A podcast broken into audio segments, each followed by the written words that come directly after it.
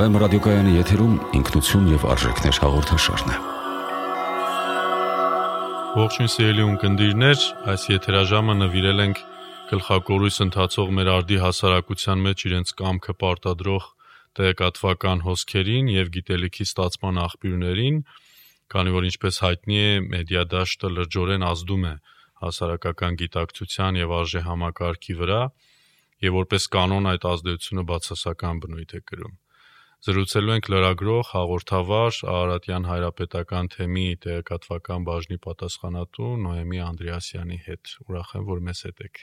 Բարև ձեզ, շնորհակալություն, որ հրավիրել եք։ Մենք ապրում ենք մետամոդեռնի դարաշրջանում, որտեղ ամեն բան խելահեղ ռիթմով է ընթանում, նույնիսկ արդեն մարդկությունից անկախ,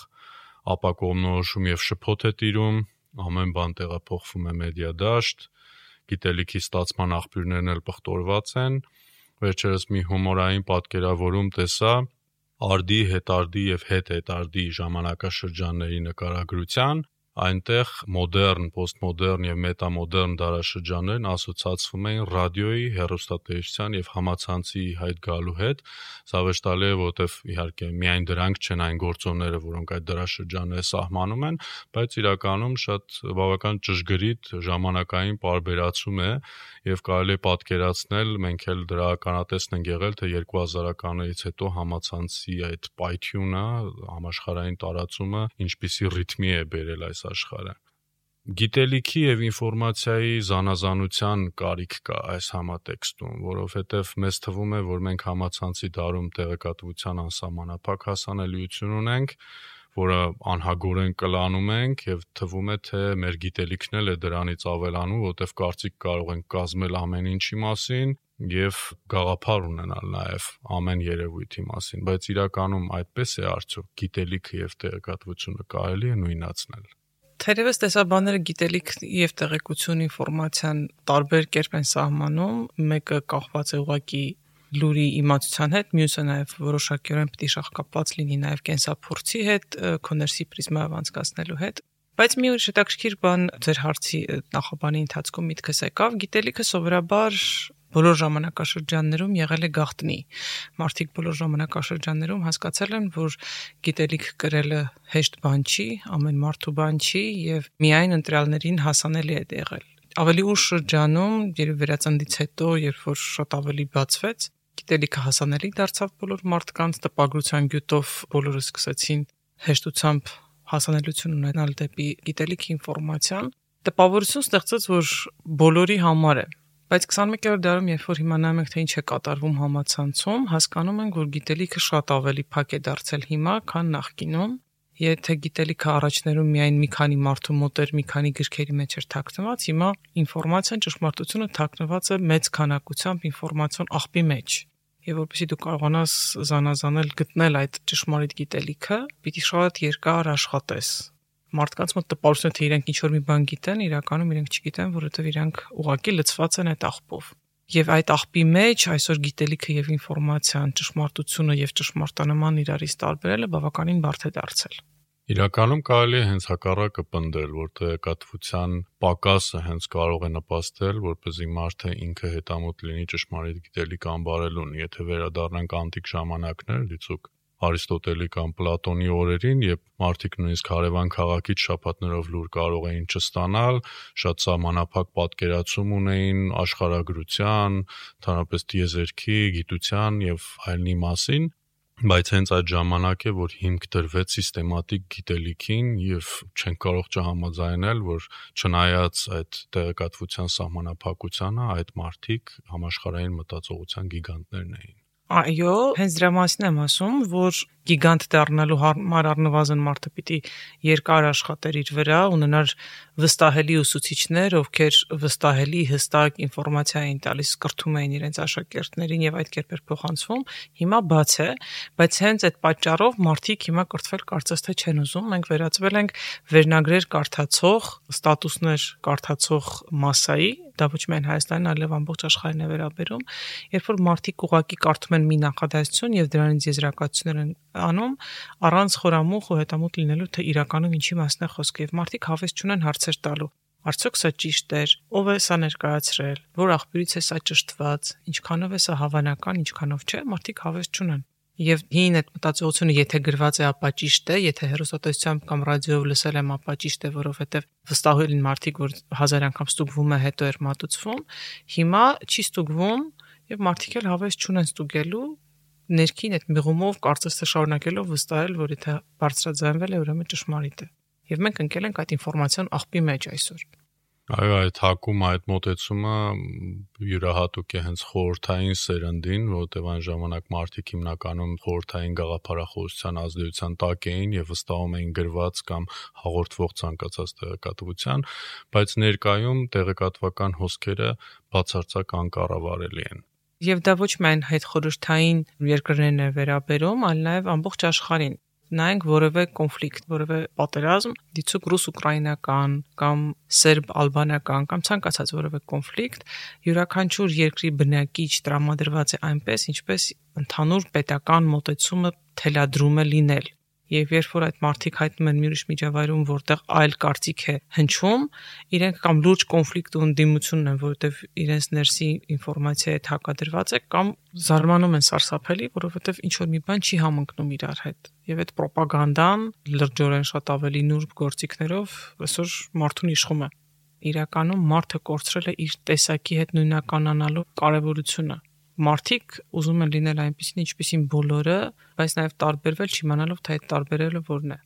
Խոսելով տեղեկատվական հոսքերի մոլորեցնող եւ ապակոմնորոշող ազդեցության մասին, ինչը հաճախ նաեւ միտումնավոր է կատարվում, չգիտեմ, քաղաքական ուժերի կողմից կամ գլոբալ կազմակերպությունների կողմից, Դրանց հստակ զտման անհրաժեշտություն կա եւ քանի որ այդ գործիքակազմը բացակայում է վերահսկողության պետական մակարդակով կամ հասարակությունն ինքը իր ընտրությունը չի կարողանում ճիշտ կատարել այդ մեդիա դաշտում,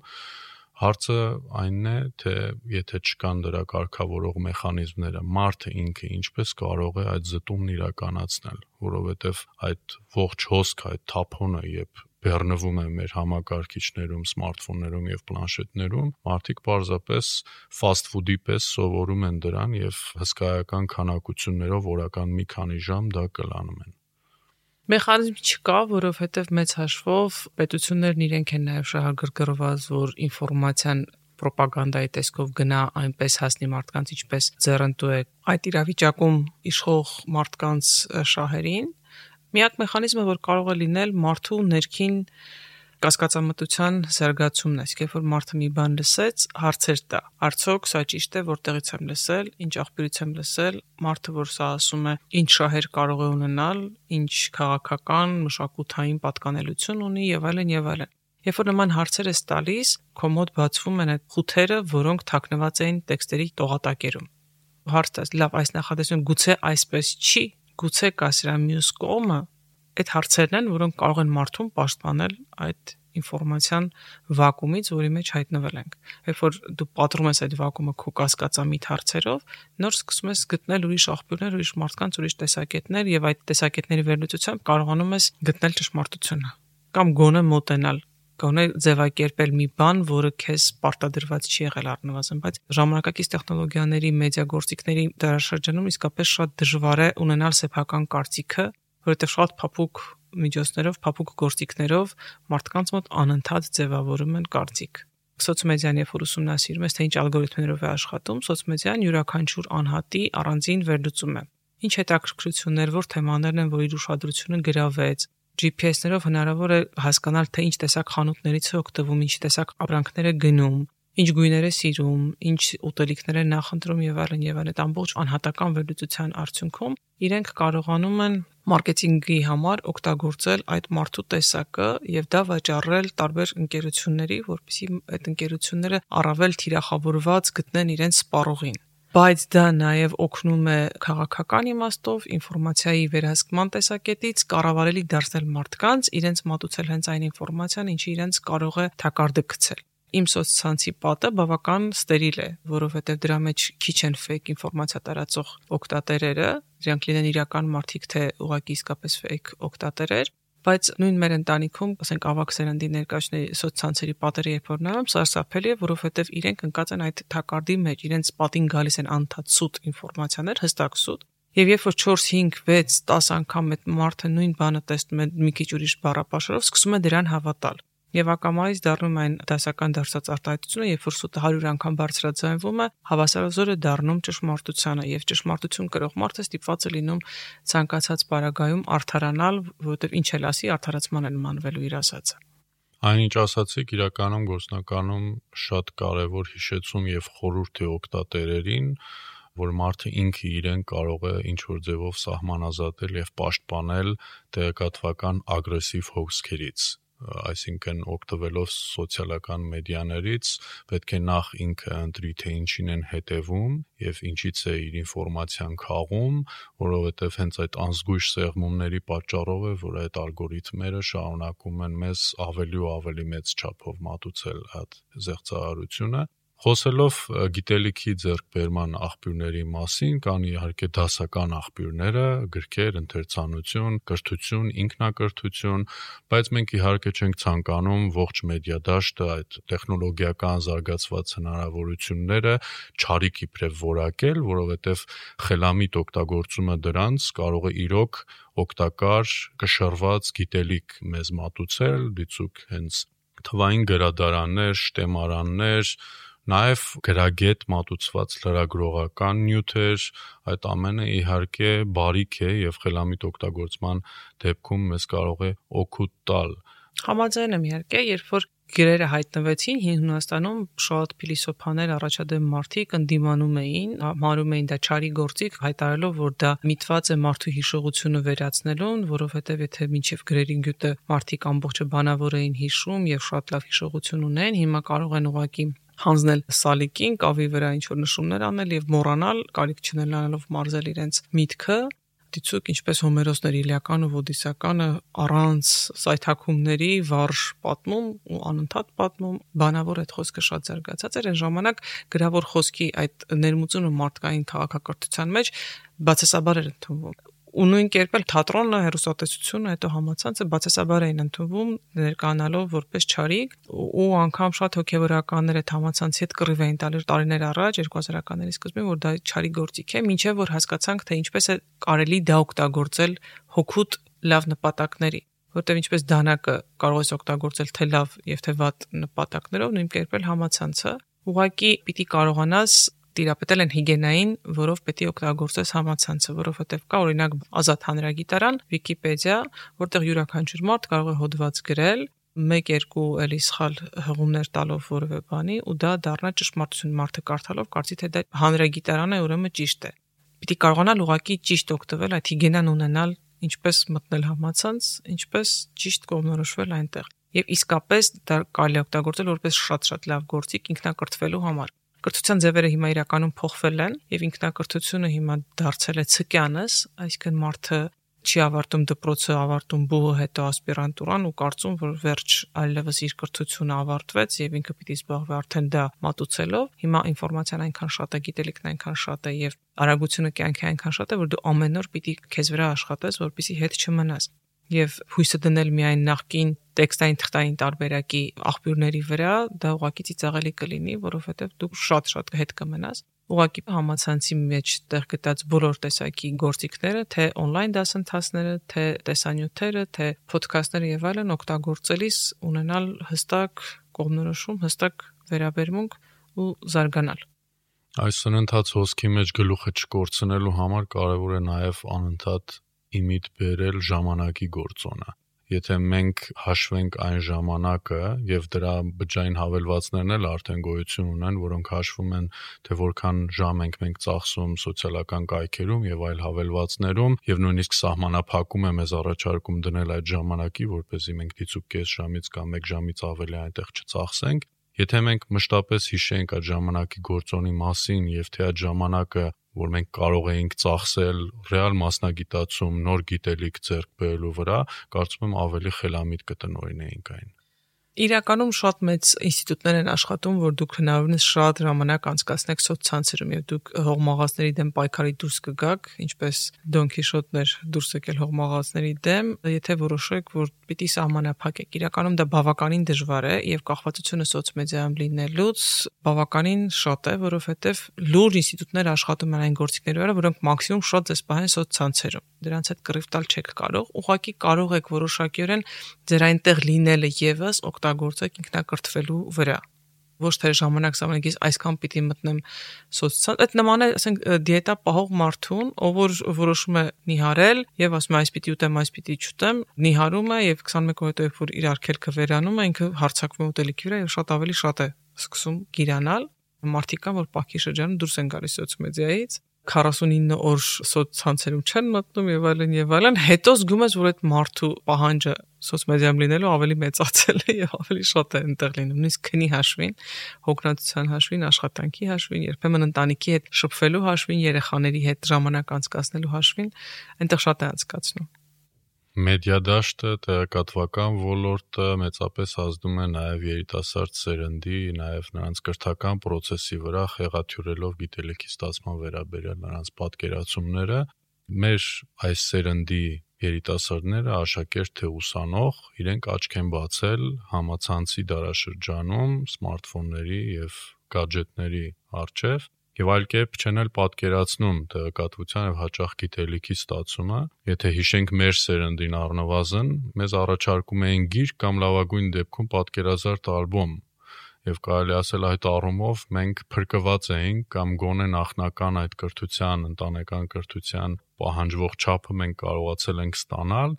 բայց ներկայում տեսնում ենք, որ այդ սերունդը ստանալով այդ fast food-ը, այդ համացանցի եւ տեղեկատվական դաշտի կողմից տրվող ինֆորմացիան, կարելի ասել գոհանում է դրանով եւ մանավանդ արհեստական բանականության դարաշրջանում մենք արդեն լուրեր ենք ստանում, որ եւ ուսանողները եւ աշակերտները օգտվելով արհեստական բանականությունից խարդախումների են գնում, իրենց էսսեները կամ քննություններն են պատրաստում դրա շնորհիվ ինչպես կարելի է նրանց հուշել, որպեսզի վերադառնան դասական միջոցներին գիտելիքի քաղման։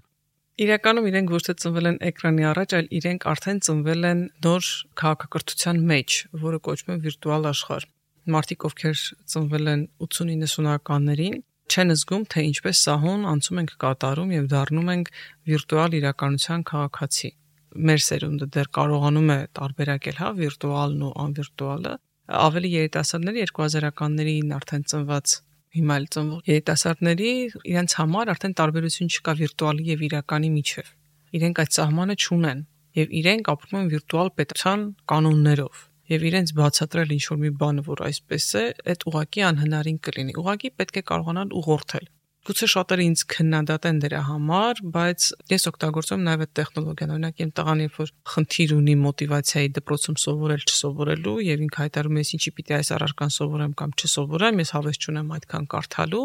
տարբեր գործիքներ իհարկե ես օգտագործում եմ, որ ինքը ամեն դեպքում չկտրվի ընթերցումից եւ այլն, բայց ես հասկանում եմ, որ պիտի օգտագործեմ նոր գործիքներ եւ որpիսի ինքը առնվազն օրինակ հայոց պատմության մասին գիտելիքը ստանա, ես իրեն առաջարկում եմ, որ եթե հիմա նստած ես եւ համացանցում ես, այդ ժամանակիդ կես ժամը նվիրիր SSSS դասերը on-line լսելու, SSS վիդեոները նայիր, որpիսի գոնե այդ տեսանյութերի միջոցով սովորես պատմություն։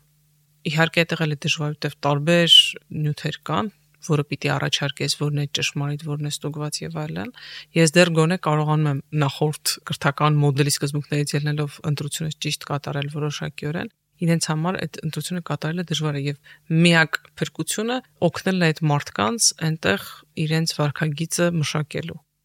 Բնականաբար ինչ որ ադապտացիա տեղի ունենում է արդի ժամանակներում, հատկապես երիտասարդ սերնդի համար, ովքեր կարճած են մեդիա տիրույթից, on-line նյութեր, տեսանյութեր, աուդիո գրքեր, որպեսզի հնարավոր լինի մատուցել այն ամենը, ինչը այլապես նրանք չէին կարող ստանալ, բայց նաև մի ցավալի իրողություն էլ կա, որ դա նաև բխում է սխալ ծնողական դաստիարակությունից, եթե մենք մեր շուրջը նայենք, մենք տեսնում ենք, որ հիմա անգամ բարուրի տարիքից երեխաներին սմարթֆոն եւ պլանշետ է մատուցվում նրանց հանգստացնելու, լռեցնելու համար եւ միայն Եվ ինչը բերում է իմիջիալոց, ինչը բերում է լուրջ խնդիրների, օրինակ աուտիզմի առաջացման։ Գիտնականները հասել են նրան, որ հերախոսներով վաղ տարիքից օգտվելը առաջացնում է կամ առնվազն նպաստում է օրինակ աուտիզմի առաջացմանը։ Բայց մի ուրիշ հանգամանք էի ուզում անպայման նշել այստեղ արհեստական բանականության մասին խոսեցինք։ Արհեստական բանականությունը ինչ որ մի անհասկանալի մի բան չի դա ընդամենը բոլորիս կողմից մուտքագրված, ստեղծված կոնտենտի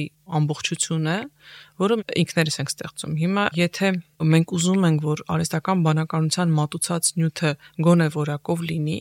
մենք առնվազն ամեն մեկս պիտի կարողանանք որակով կոնտենտ ստեղծել համացանցում, որովհետև արհեստական բանականությունը ինքը չի գեներացնում ինչ որ մտքեր գաղափարներ, արհեստական բանականությունը ընդհանրապես վերլուծում եւ դուրս է բերում այն մտքերը, որոնք մուտքագրել են մարդիկ։ Եթե գոնե մենք կարողանանք այնտեղ մուտքագրած կոնտենտը մաքրել, հնարավորինս դարձնել ճշմարիտ, այդ կերպ մենք գոնե արհեստական բանականությունը որպես գործիք կունենանք բավականին լավը հետագա սերունդներին կրթելու առումով գոնե ավելի լավ կարգավիճակում կլինեն։ Այո, մենք դեռևս ապրում ենք արհեստական բանականության արշալույսին եւ դեռևս այնքան հասունության չի հասել այդ բանականությունը, որպեսզի մեր ունեցած գիտելիքը խմբավորելուց եւ գեներացնելուց զատ ինչ որ բան ստեղծի, բայց շատ արագ այդ process-ն էլ է զարգանում եւ անգամ արհեստական բանականությունը շուտով կարող է մեզ գերազանցել կամ ինքը արդեն կազմավորվել եւ զարգանալ դրանից ինքը անկեղծ ասած նման վախեր չունեմ շատ կան իհարկե մտավախություններ, որ արհեստական բանականությունը կվերացնի մարդկությունը եւ այլն եւ այլն եւ այլն, բայց ընդհանրապես պետք կլինի մի հատ կոճակ, որևէ արբանյակ կպայթի եւ արհեստական բանականությունն այլևս գոյություն չի ունենա։ Արհեստական բանականությունը, եթե անգամ հասնի գիտակցական այդ ինքնուրույնության մակարդակին, որ ինքը որոշի մարդկանց փոխարեն եւ այլն եւ այլն, ինքը պիտի հասկանա, որ առանց մարդկանց ինքը գոյություն ունենալ չի կարող։ Ուղղակի չի կարող ոնց որ մեքենան որոշի, որ իրեն այլևս մարդկոց պետք չի կամ իրեն վառելիք պետք չի, ես առանց վառելիքի եւ կամ առանց մարդկոցի եմ շարժվում, չի կարող այդպես լինել։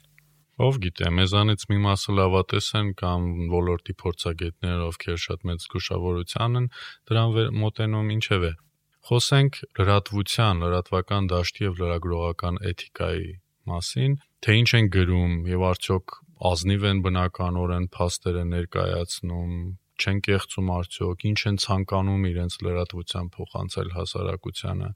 Ես ինքս ամեն օր ապշում եմ, թե ինչպես կարելի է լրագրող համարվել, տարածելով նման անորակ ինֆորմացիա։ Յուրաքանչյուր ավտովթար, յուրաքանչյուր կրակոց, սպանություն, ամուսնական անհավատարմություն, վուլգար արտահայտությունները հնչեցված հայհոյանքներ, այդ ամենը պարտադիր կերպով որոշ լրագրողներ փորձում են մատուցել հանրությանը, դարձնել ակտիվ քննարկման առարկա, եւ այս ամենը մատուցվում է, ինչպես գիտենք, անգրագետ եւ նյութի բովանդակությանը չհամապատասխանող աղաղակող վերնագրերի, խորագրերի ներքո, Եվ հարց է առաջանում, թե ո՞րն է սրա նպատակը եւ արդյոք մենք չենք գիտակցում, թե դրանով մենք ախտոտում ենք մեր ընկալումները, մեր գիտակցությունը եւ ավելի ենք խրվում այդ դեղմի մեջ։ Իրականում, ինչպես կասեր դասական դարձած ֆիլմի արտահայտությունը զուտ բիզնես է։ Իրականում ոլորտը Հայաստանում առնվազն չի վերահսկվում։ Օրինակ Ֆրանսիայում լրագրող աշխատելու համար պիտի ունենաս հատուկ արտոնագիր, լիցենզավորվես։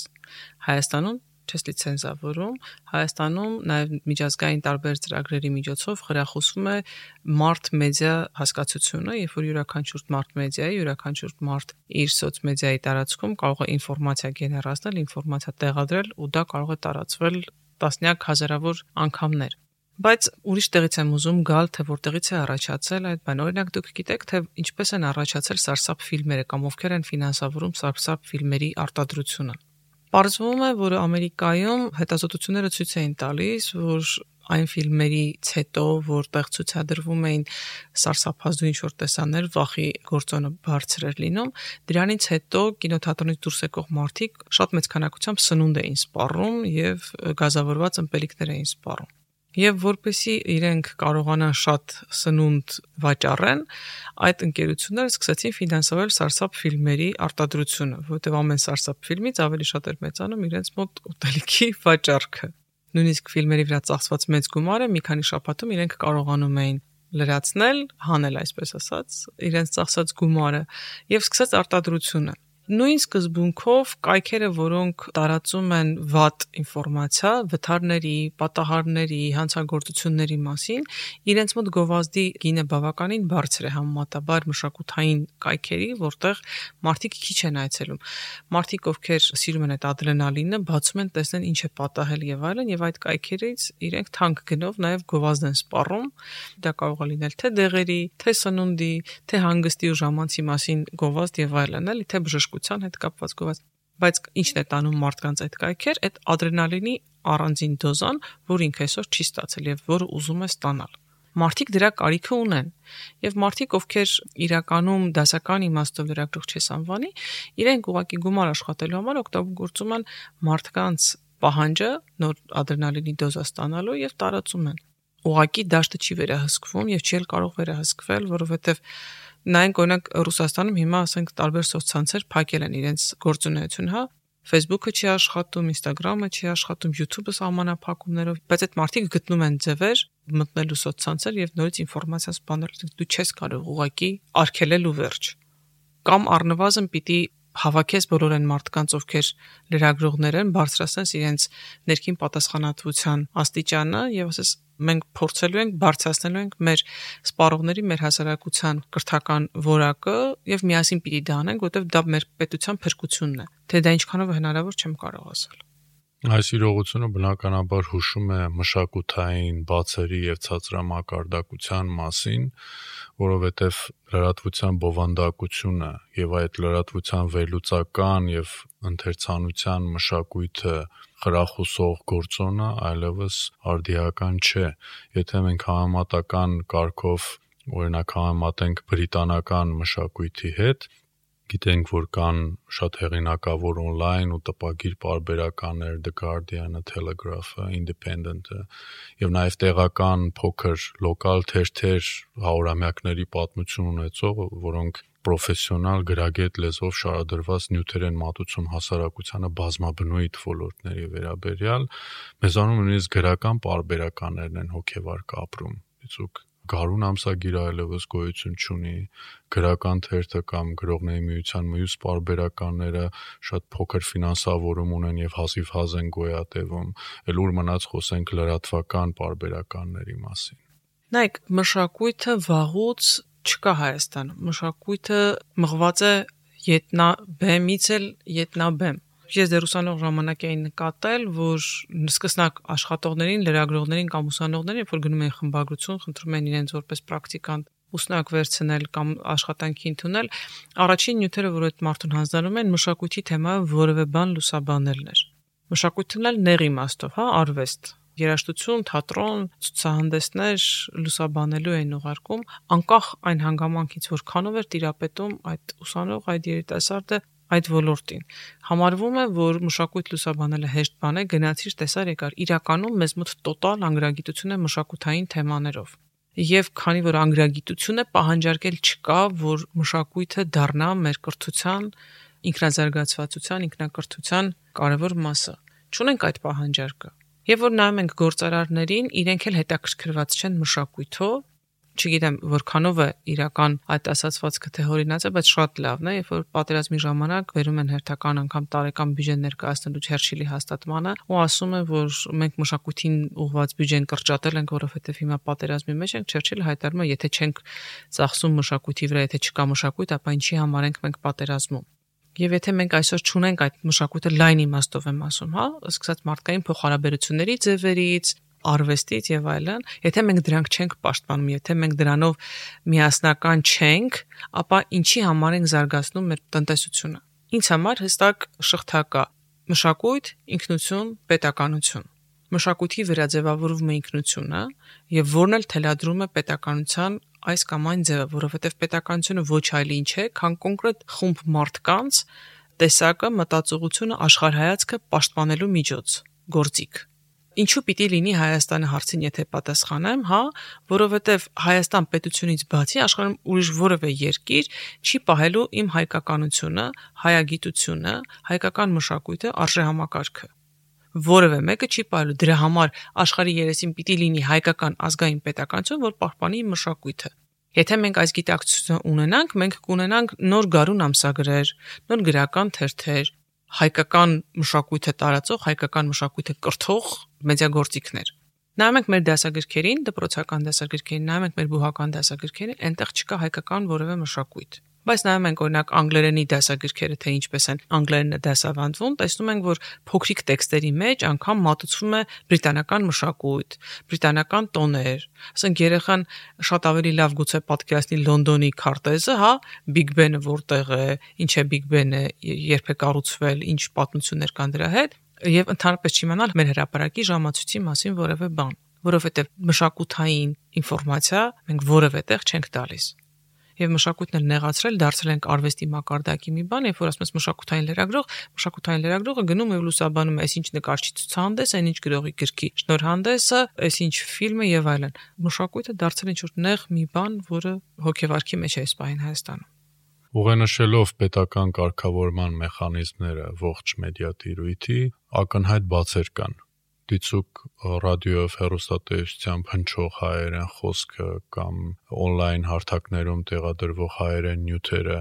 բնական է որ լեզվի պետական կոմիտեն փորձում է ինչ որ ձևով դա վերահսկել, բայց հնարավոր էլ չէ այդ մեծ հոսանքը վերահսկել եւ մենք ամեն օր ականջալուր ենք լինում ցածրամակարդակ սխալ, կոպիտ սխալներով լեցուն հայերեն խոսքի։ Բացի այդ կա նաև ժամանցային կայքերը եւ լրատվությունը տարբերակելու կարիք եւ դա կարծում եմ պետք է նաեւ պետական մեխանիզմներով կատարվի եթե ինչ որ կայք իրեն հայտարարում է լրատվական կայք ապա պետք է հաշվետու լինի պետական ինչ որ կառույցի արչեվ ունենա խմբագիր ով կվերահսկի այդ ամբողջ բովանդակությունը որովհետև շատ հաճախ մեր իրականության մեջ էլ մարդիկ շփոթում են ժամանցային լուրերը լրատվության հետ, որտեղ ավելի աղակող, ավելի սուր այդպիսի ձևակերպում ունեցող վերնագիր կա, դրա վրա մենք սեղմումներ ենք կատարում եւ այդ ամենը, եթե նույնիսկ առողջ լրատվություն էլ կա, խեղդվում է դրա մեջ։ Ես մի ուրիշ բան եմ ուզում ասել։ Իհարկե մի տեսակ անդադ բացասականի մասին եմ խոսում, բայց դեղատոմսեր գտնելու համար պիտի հասկանանք խնդիրը։ Իրականում որպես լրագրող միայն ինքնության, ինքնությանը վերաբերող տարբեր հարցերի մասին 130-ից ավելի հարցազրույցներ եմ այլ տարիների ընթացքում Բոլոր մարդիկ գալիս են եւ կարծես թե մեծամասնությունը համաձայն է, որ մեր ինքնության հիմնասյուներից մեկը մեր լեզուն է։ Բայց ես հանգել եմ եզրակացության, որ մենք ամաչում ենք լինել հայ եւ ամաչում ենք հայերեն խոսել։ Մեզ թվում է, թե մեր խոսքի մեջ երբ որ օգտագործում ենք դեռ չհայկականացված բառեր, ռուսերեն, անգլերեն, գերմաներեն, իտալերեն, իսպաներեն եւ այլն, մենք ավելի գրագետ եւ ավելի առաջադեմ ենք երևում։ Ինչ եմ ասում չհայկականացված, որովհետեւ մեր լեզվի բառապաշարում տարբեր ժամանակաշրջանում տարբեր լեզուների ազդեցությամբ տարբեր բառեր եկել, հայկականացվել են եւ հիմա որպես հայկական բառապաշար մենք դրանք գործածում ենք։ Դրանք դեռ չեն հայկականացվել եւ մենք ամաչում ենք խոսել մաքուր հայերեն։ Եվ մեզ թվում է թե մենք օգտագործեցինք անգլերեն մի քանի բառեր cool, okay, չգիտեմ ինչ, մենք շատ ավելի առաջադեմ ու գրագետ ենք դառնում եւ մեզ թվում է թե մենք այդպես ավելի արագ ինտեգրվում ենք համաշխարհային առաջադեմ մարդկությանը, մոռանալով որ առաջադեմ մարդկությունը միատար չի եւ յուրաքանչյուրը իր տեսակով, իր ինքնությամբ, իր առանձնահատկություններով է ավելի աչքի ընկնելու եւ ավելի զորեղ լինելու։ Մենք ուղղակի վերաբերմունք չունենք մեր ունեցածի նկատմամբ այն ինչ որ հայկական է համարում ենք հետամնաց ոչ արդի, չհասկանալով որ մենք այդպես կործանում ենք ինքներս մեզ։ Շնորհակալ եմ զրույցի համար։ Պատասխանատվությունը պետական կառույցների կամ այլոց վրա բարթելուց սատ չմոռանանք, որ նաև մենք ենք ինքներս ենք առաջին հերթին պատասխանատու այդ ամեն ինչի համար եւ թե ինչ ենք ընտրում ինքներս մեզ համար, այնպես որ ձեր ինքնությունն ու արժե համակարգը պաշտպանելու համար մեր հորդորն է, որպեսզի ընտրեք զատեք այն ամենը, ինչ որ ձեզ համար օգտակար է եւ խելամիտ կերպով օգտագործեք այս ධարի առաջարկվող հնարավորությունները նաեւ մեդիա տիրույթում։ Մնացեք բարև։